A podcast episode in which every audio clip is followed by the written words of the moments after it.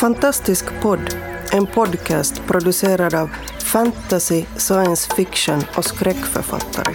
På svenska, i Sverige och Finland. Vi snackar skriva, böcker, våndor och vändor i våra och andras världar.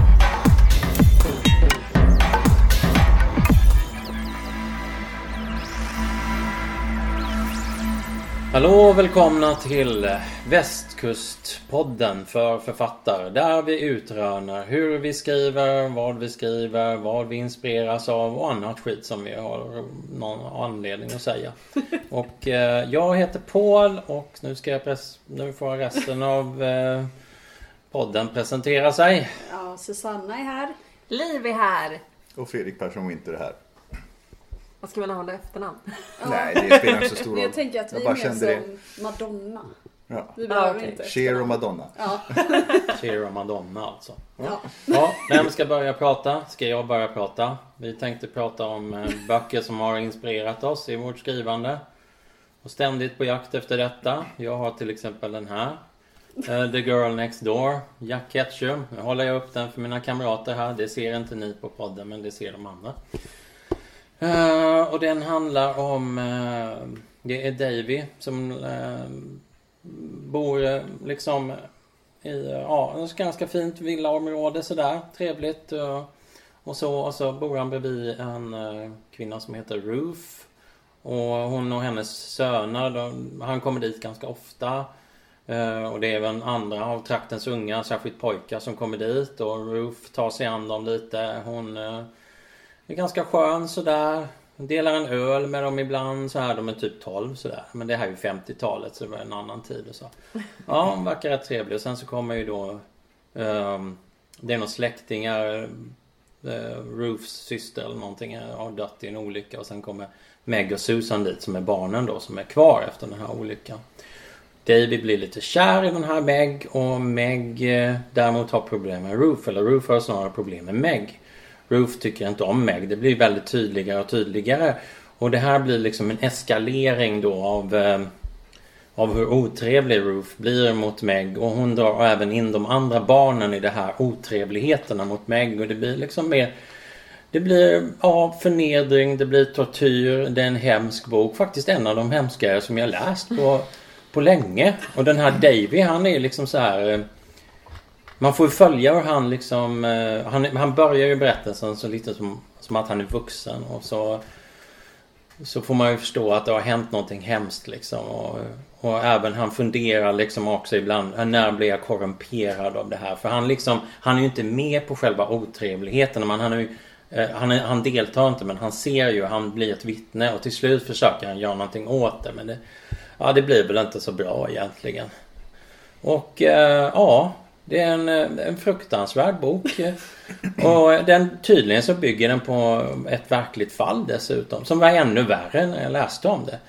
Eh, men jag tycker om det här med eskaleringen liksom som det blir när man dras in i det här. Och man dras ju in genom David då som man kan identifiera sig någorlunda med liksom. Att, ehm, och eh, ja, man får följa liksom hur man får följa den här Ruth liksom hur hon liksom degenererar och hon liksom hon även drar med sig alla de andra i det här liksom eh, eh, otrevligheterna mot Meg då. Jag kommer att tänka på liksom sekter, på mobbing, på grupptryck. Allt som någon, någon, alla har ju varit med om något sånt någon gång. Så det känns, trots att det bygger liksom på a real Based on a true story och sånt där skit liksom. Så känns den väldigt så här att författaren har, har använt sig av materialet och gjort det liksom ganska allmängiltigt. Och det tycker jag man kan lära sig liksom av. För han har inte följt det exakt eller någonting. Han har inte liksom han har inte samma personer med eller någonting. Att han har använt materialet så att han gjort det ganska allmängiltigt på något vis. Eh, och det tycker jag han har gjort jävligt bra faktiskt. Så det är väl lite det som jag har tänkt på, på med det. Sen så är det ju så här att han är inte... Han, han klipper trots allt liksom ibland sådär att... Han, han går inte alltid in liksom i, i, i de värsta scenerna liksom och, och be- berättar i detalj. Men han ger tillräckligt detaljer för att det ska bli jävligt otäckt så att säga. Och, och då fyller man ju på med sina egna tankar sådär lite lagom. Och det är ju, det är ju alltid bra eller, eller alltid dåligt kan man väl säga egentligen. Men det där tycker jag är en intressant grej. För det, det är ju en stor konst tycker jag att just vilken nivå ska man lägga sig på? Alltså ska man beskriva allting kanske lite väl tydligt eller ska man liksom fade to black innan någonting händer? Alltså vad är liksom rätt nivå för att det ska bli otäckt? Så hur, hur lägger han upp det för att få Ja, han det? har ju någon slags mittemellan och han växlar också lite så att säga. Uh, jag, tycker det, jag tycker båda funkar ganska bra. Det är ju viss, jag tycker det kan vara ganska härligt när folk, när författare grottar ner sig i varenda jävla detalj. Alltså det, det kan bli något så här Ja, det, det, det, men det kan ju nästan bli en sån här extas av att, att läsa det. Eh, på samma gång så eh, är det är ganska bra när de liksom sätter igång eh, tanken men då får, man ofta, då får de ändå ge någonting så att man kan sätta igång tanken så det inte bara liksom klipper när det blir Ja men nu, nu blir det våld här och nu blir det klipp liksom. Så, så ibland ser man macheten och får räkna ut själv vad som händer. och Ibland ser man Ja. vad de gör med Ja, macheten. precis. om man nu tar ett exempel. Precis. Så. Okej. Ja, ja, ja, jag förstår. Så är det. Jag förstår. Spännande. Hur är personlighets, alltså så här, karaktärerna, hur mycket får de liksom plats och att man lär känna dem på ett bra sätt i storyn? Är, är fokuset liksom på det som händer eller på personerna? Ja, det är ganska mycket på det som händer. För det är ju också det hur de bryts ner, hur de går med i det här. Det är liksom vanliga killar och så någon är ju liksom sådär lite extra otrevlig och någon är liksom lite si och så. Och sen bara deras, deras personligheter liksom ja, fördjupas ner i avgrunden så att säga. Kan man väl säga. Ja. Och även den här Roof som verkar ganska skön sådär liksom. En sån här lite grabbtjej på något vis. Kvinna liksom. Och bara liksom blir uff, det här var ju hemskt liksom. Och så det här att den heter ju The Girl Next Door. Och det är verkligen så här. Det här är någonting som händer grannen så att säga. Man går över till grannen och där är det tortyr. Och sen går man hem. Och det är ju liksom det här sjuka liksom. Och det var ju också det som hände typ i verkligheten. Det var liksom traktens barn kom ju dit liksom. Men, men vad fan. Ja, det, det hände liksom i, i grannskapet och det, det är det här att det liksom, man kan inte ta sig ur det trots att det, det är bara egentligen, i teorin är det bara att gå, resa sig upp och gå men det gör man ju inte. Det här påminner mig om ett eh, brott jag läste om som utspelade sig i Japan, tror jag. Där det var en, jag har glömt bort namnet på henne, det här var ganska grovt. Jag hörde om det i en true crime-podd och de ville inte prata om det för det var för grovt så jag fick hitta en annan true crime-podd som pratade om det. Det var en tjej som blev tillfångatagen eh, av några ungdomar, alla var skolungdomar. Och hon hölls i en av killarnas källare. Och de hade henne bara här som en leksak så att de gick till skolan på dagarna och var som vanligt och var i skolan och var hemma hos sig. Och sen gick de över till den här killen och torterade tjejen och sen så gick de tillbaka till skolan. Eh, och det var, jag kom att tänka på det när du pratade och fick typ så här gåshud för att det är så obehagligt och det där var också baserat på ett faktiskt fall. Ja, så precis. jag tycker att det är så obehagligt att, att det här är liksom en grej på riktigt. Mm. Fredrik Men det var, det var Och, och jag som precis innan du vi- vinkade om detta skulle sagt att det är ju liksom dessutom en intressant ska man säga, touch då att de har valt att kalla den för The Girl Next Door just för att det är både det och det är också det här som ni vet klassiska, den här man blir kär i The Girl Mm. Next Door och så är det så gulligt och mysigt och så går man över dit och pussas lite ungefär. Ja. Eh, Fast det, det gjorde man inte hos den här. Nej. Han, det, är ju, det är ju gulligt och mysigt i början. Den här Davy, han är ju kär i den här Meg liksom. Ja. Och, eh, men eh, sen så blir det ju, sen händer ju det här hemska ännu mer liksom. Och då, då urartar det ju, en- ja då blir det någonting helt annat så att säga. Ja. Så det, det finns ju de här dubbla betydelserna i begreppet så att säga. Då ska jag säga vad jag skulle vilja ta med mig för den här, för jag har inte läst den då. Och det är just det där som jag pratade om, liksom var man lägger nivån för att det ska bli otrevligt och otäckt utan att nödvändigtvis behöva visa allting så, så noga. I, I vart fall inte varje gång, för det, det tycker jag är som sagt superfascinerande. Så det ska jag försöka suga tag i av den när jag läser den. Ja, jag kommer också läsa den garanterat och jag gillar verkligen den här kontrastmiljögrejen. Att du går och gör en sak någonstans men sen går du tillbaka och har din vanliga tillvaro. Och sen så har du fortfarande båda sakerna i bakhuvudet. Liksom. Hur påverkar det som händer utanför lägenheten det som händer i lägenheten och vice versa? Liksom. Det hade jag velat ta med mig. Och när jag läser den då. Eh, när jag inte läser den så kommer jag att tänka på att ni tre läser den. Och så kommer jag att tänka, gud vad skönt att jag inte gör det. Och så kommer du att gå och köpa en feelgood. Ja, Nej men jag, jag har ju så här, det värsta jag vet, förutom andra saker, för det är. Nej, men det, det är mycket som ligger på samma nivå. Men just barn och ungdomar som, eller människor överlag, som dras med i andra människors ondska. Utan att så här, säga, nej stopp! Jag blir så arg. Gud, jag känner hur det så här pirrar i hårbotten, så arg blir jag. Oj, Ja. det är väldigt argt. Men har inte ni så här att ni får fysiska reaktioner på... Ja, jag får att det, Vissa kry- det känslor. kryper i ryggen. Ja, nej, och jag får armarna att det- som att du vill slåss. Jag, jag får att det pirrar i hårbotten. Nej men det, för jag kunde ju inte ens se Flugornas herre i skolan. För jag blev Mhm. så arg. Jag var så här, vem, vem låter barn på existera det. ensamma? Ja, nej. Eh, Så det, jag känner ju att den här boken skulle göra mig arg. Men det är ju det som är poängen. Då engagerar den. Du borde verkligen läsa den liksom. Ja, men jag är lite äckelmagad också. Så. Men den verkar inte vara så Den äcklig är- dock. Den verkar ju jag- vara otäck mest. Det var det som jag tycker tyckte var den, fascinerande. Ja, men den är väldigt otäck. Jag har svårt för att veta om den egentligen är äcklig. Jag är inte speciellt äckelmagad heller. Fast jag tycker inte den är särskilt. Men det är, inte som, det är i alla fall inte på samma nivå som den där, vad heter den, eh, tibetanska eh, flugan. Alltså fjärilen från Tibet. Just det. Men den är mer sådär läckert äcklig liksom. Den är ju härlig med alla, allt slafs och alla Ja, liksom. Men det är en eh, annan typ då än det här. Ja, det är en annan typ. Det är mycket mer, alltså det, det finns ju ett fysiskt inslag. Men det som verkligen berör en, det är ju det här psykologiska. Som, Det hade ju inte kunnat existera utan det fysiska förstås. eh, Faktiskt, det får man säga. Men det är ju det här otäcka liksom att eh, hon trots allt är fången där mer eller mindre. Och att det blir, bara blir värre och värre. Var ska det sluta liksom? Och de här människorna liksom, de bara liksom eh, de bara liksom fälls ut i all sin hemskhet så att säga. Mm. Och han bara tittar på och tittar på och tittar på och tycker det är värre och värre. Ja. Eh, Jag har ju med mig en annan bok.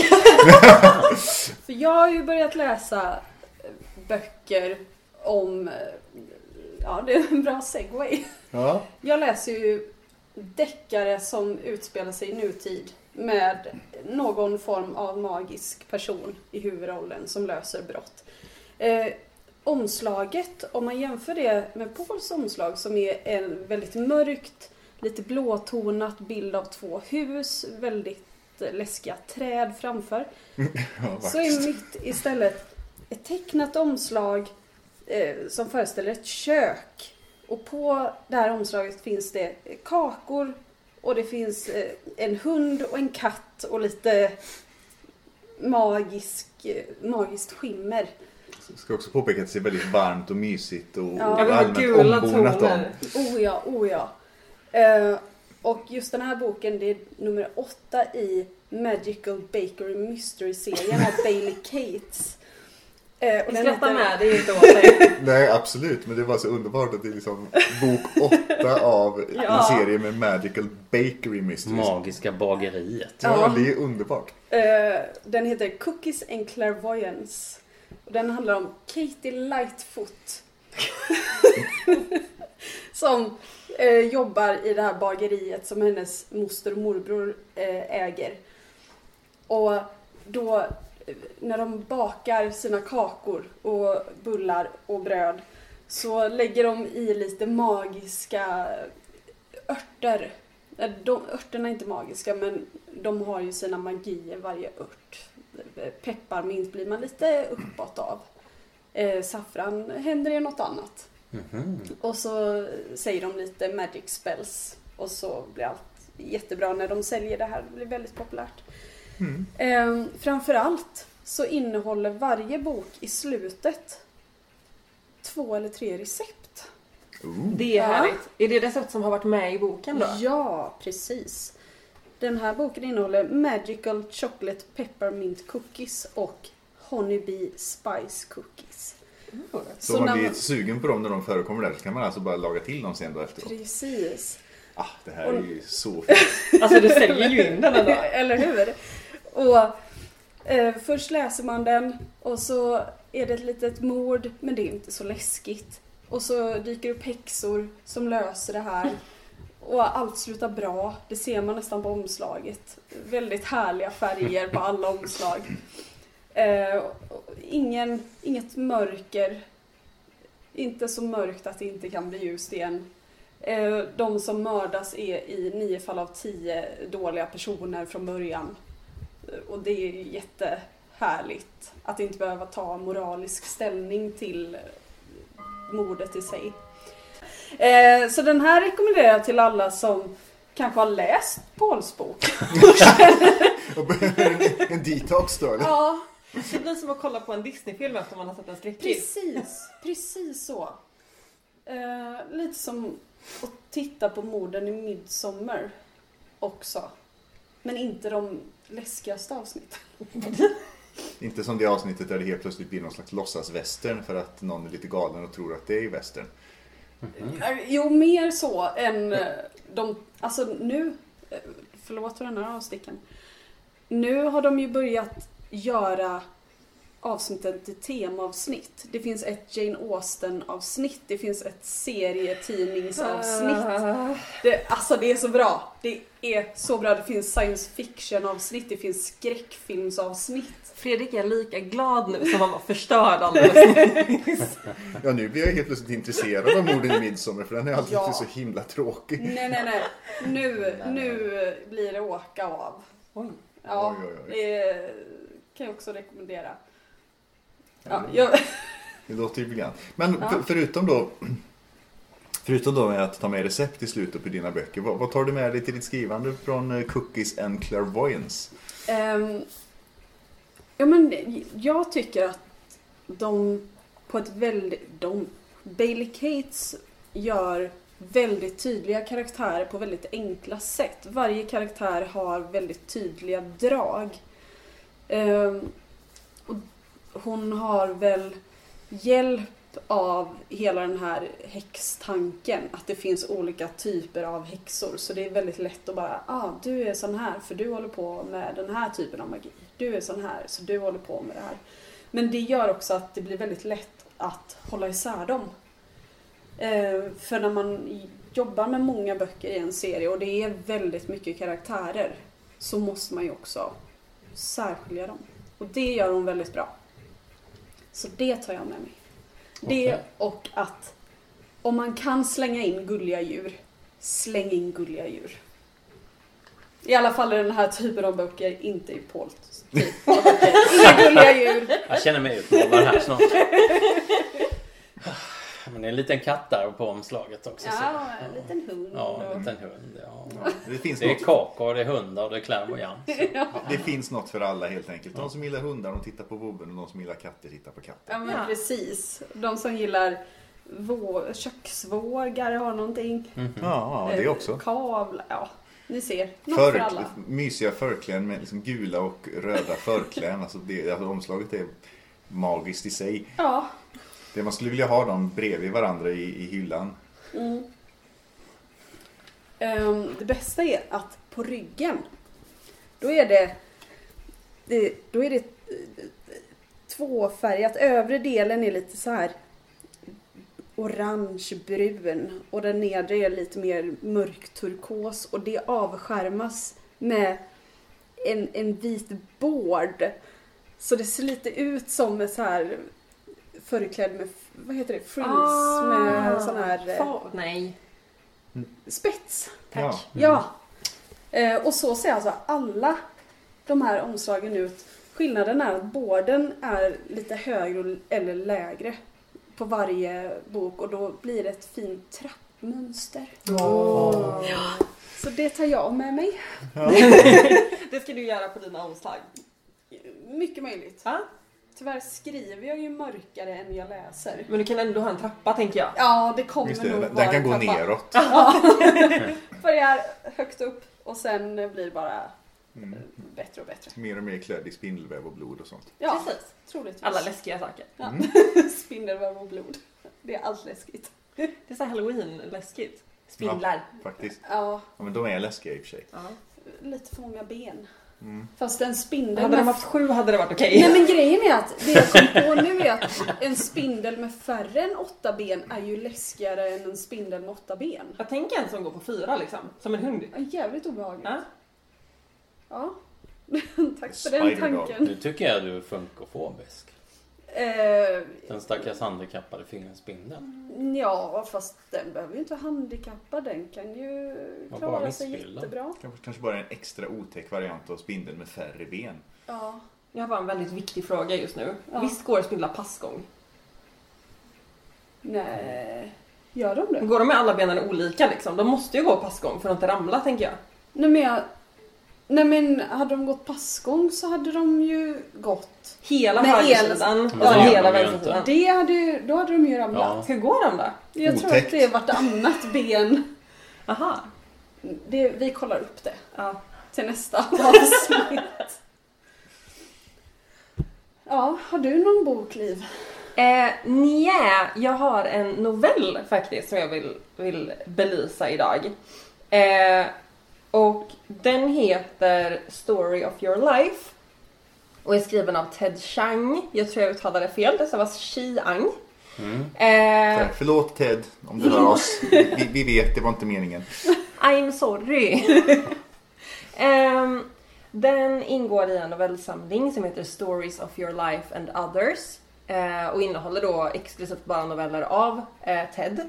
Jag tänker bara Ted med Ted Chiang nu för att inte göra fel mer. Eh, den här novellen är mer känd som filmen Arrival. Eh, är det några här som har sett filmen Arrival? Jag har sett reklamen för filmen Arrival. Okej. Jag har varken sett reklamen för den eller filmer. Jag har både sett reklamen och filmen. Fredrik representerar. Jag har Eh, dock inte läst novellen. Det är okej, jag förlåter dig. Eh, jag såg filmen först eh, och sen läste jag novellen. Och det är alltid lite så här, jag, om jag får förespråka något så är det att man alltid ska se filmen först och sen läsa boken. Därför att då blir det som att se en boktrailer, en lång boktrailer. eh, och sen, för att boken avviker alltid från filmen, eller snarare filmen avviker alltid från boken. Eh, och då kan man alltid sitta och tänka så här. Aha, var det så här egentligen? Istället för att läsa boken först och se filmen och bara de har gjort fel. Så blir man liksom lite mer så här, aha! Så. Eh, och nu ska inte jag spoila sönder Arrival eftersom att det är två här som inte har sett den och jag vet inte hur det är med er lyssnare för vi kan inte köra handuppräckning riktigt.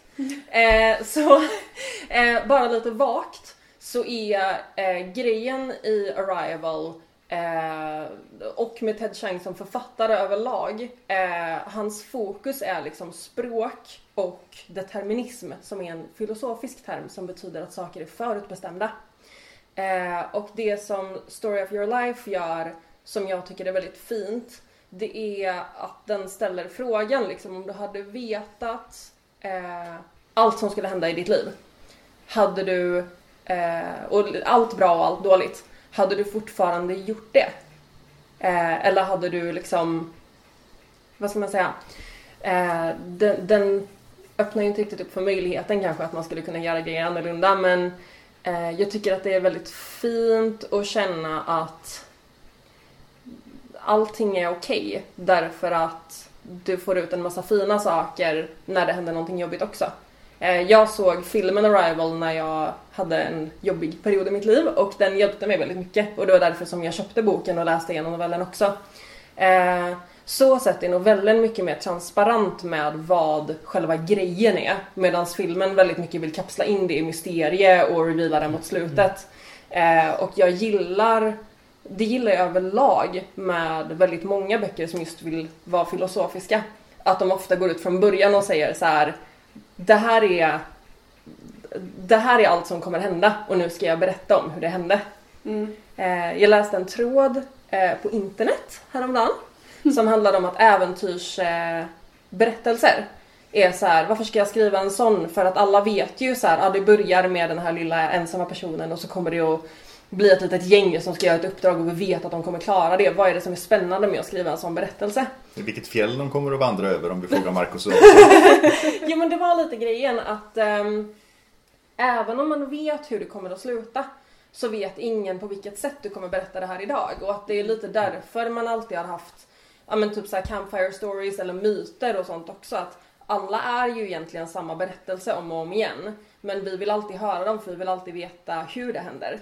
Och det är samma sak i den här novellen tycker jag att spänningen ligger liksom i eh, att bara höra någon berätta den här historien. Och handlingen är bara den handlar om att förstå varandra. Det landar en massa rymdfarkoster i stora städer runt om hela världen. Och det, det kommer några utomjordingar med de här som eh, man försöker kommunicera med på olika sätt genom hela världen. Man försöker kommunicera med dem med matte, man försöker kommunicera med språk, man försöker kommunicera med handgester och rörelser liksom. Eh, och parallellt med det här så får man inblick i huvudpersonens liksom, livshistoria. Och det är bara en väldigt fin läsning. Eh, väldigt tröstande och väldigt varm. Och man känner väldigt mycket på den korta tiden man får med novellen. Liksom. Jag tycker det är härligt. Jag läser of ofta om den. Mm -hmm. Så. Eh, och språket är fantastiskt. Fantastiskt. Mm. Ja men den har ju fått fantastiskt bra kritik. Och det här, jag, jag har ju namn afasi ska jag väl säga direkt då. Så jag pratade om just Ted Chiang med någon på bokmässan som rekommenderade hans andra novellsamling. Mm. Som jag inte heller minns vad den heter. Men det är inte den här utan det är en annan. Som tydligen då ska vara ännu bättre hur nu det ska gå till. Mm. Eh, så att eh, han, han, verkar vara en väldigt spännande författare. Mm. Det är verkligen varm rekommendation. Mm.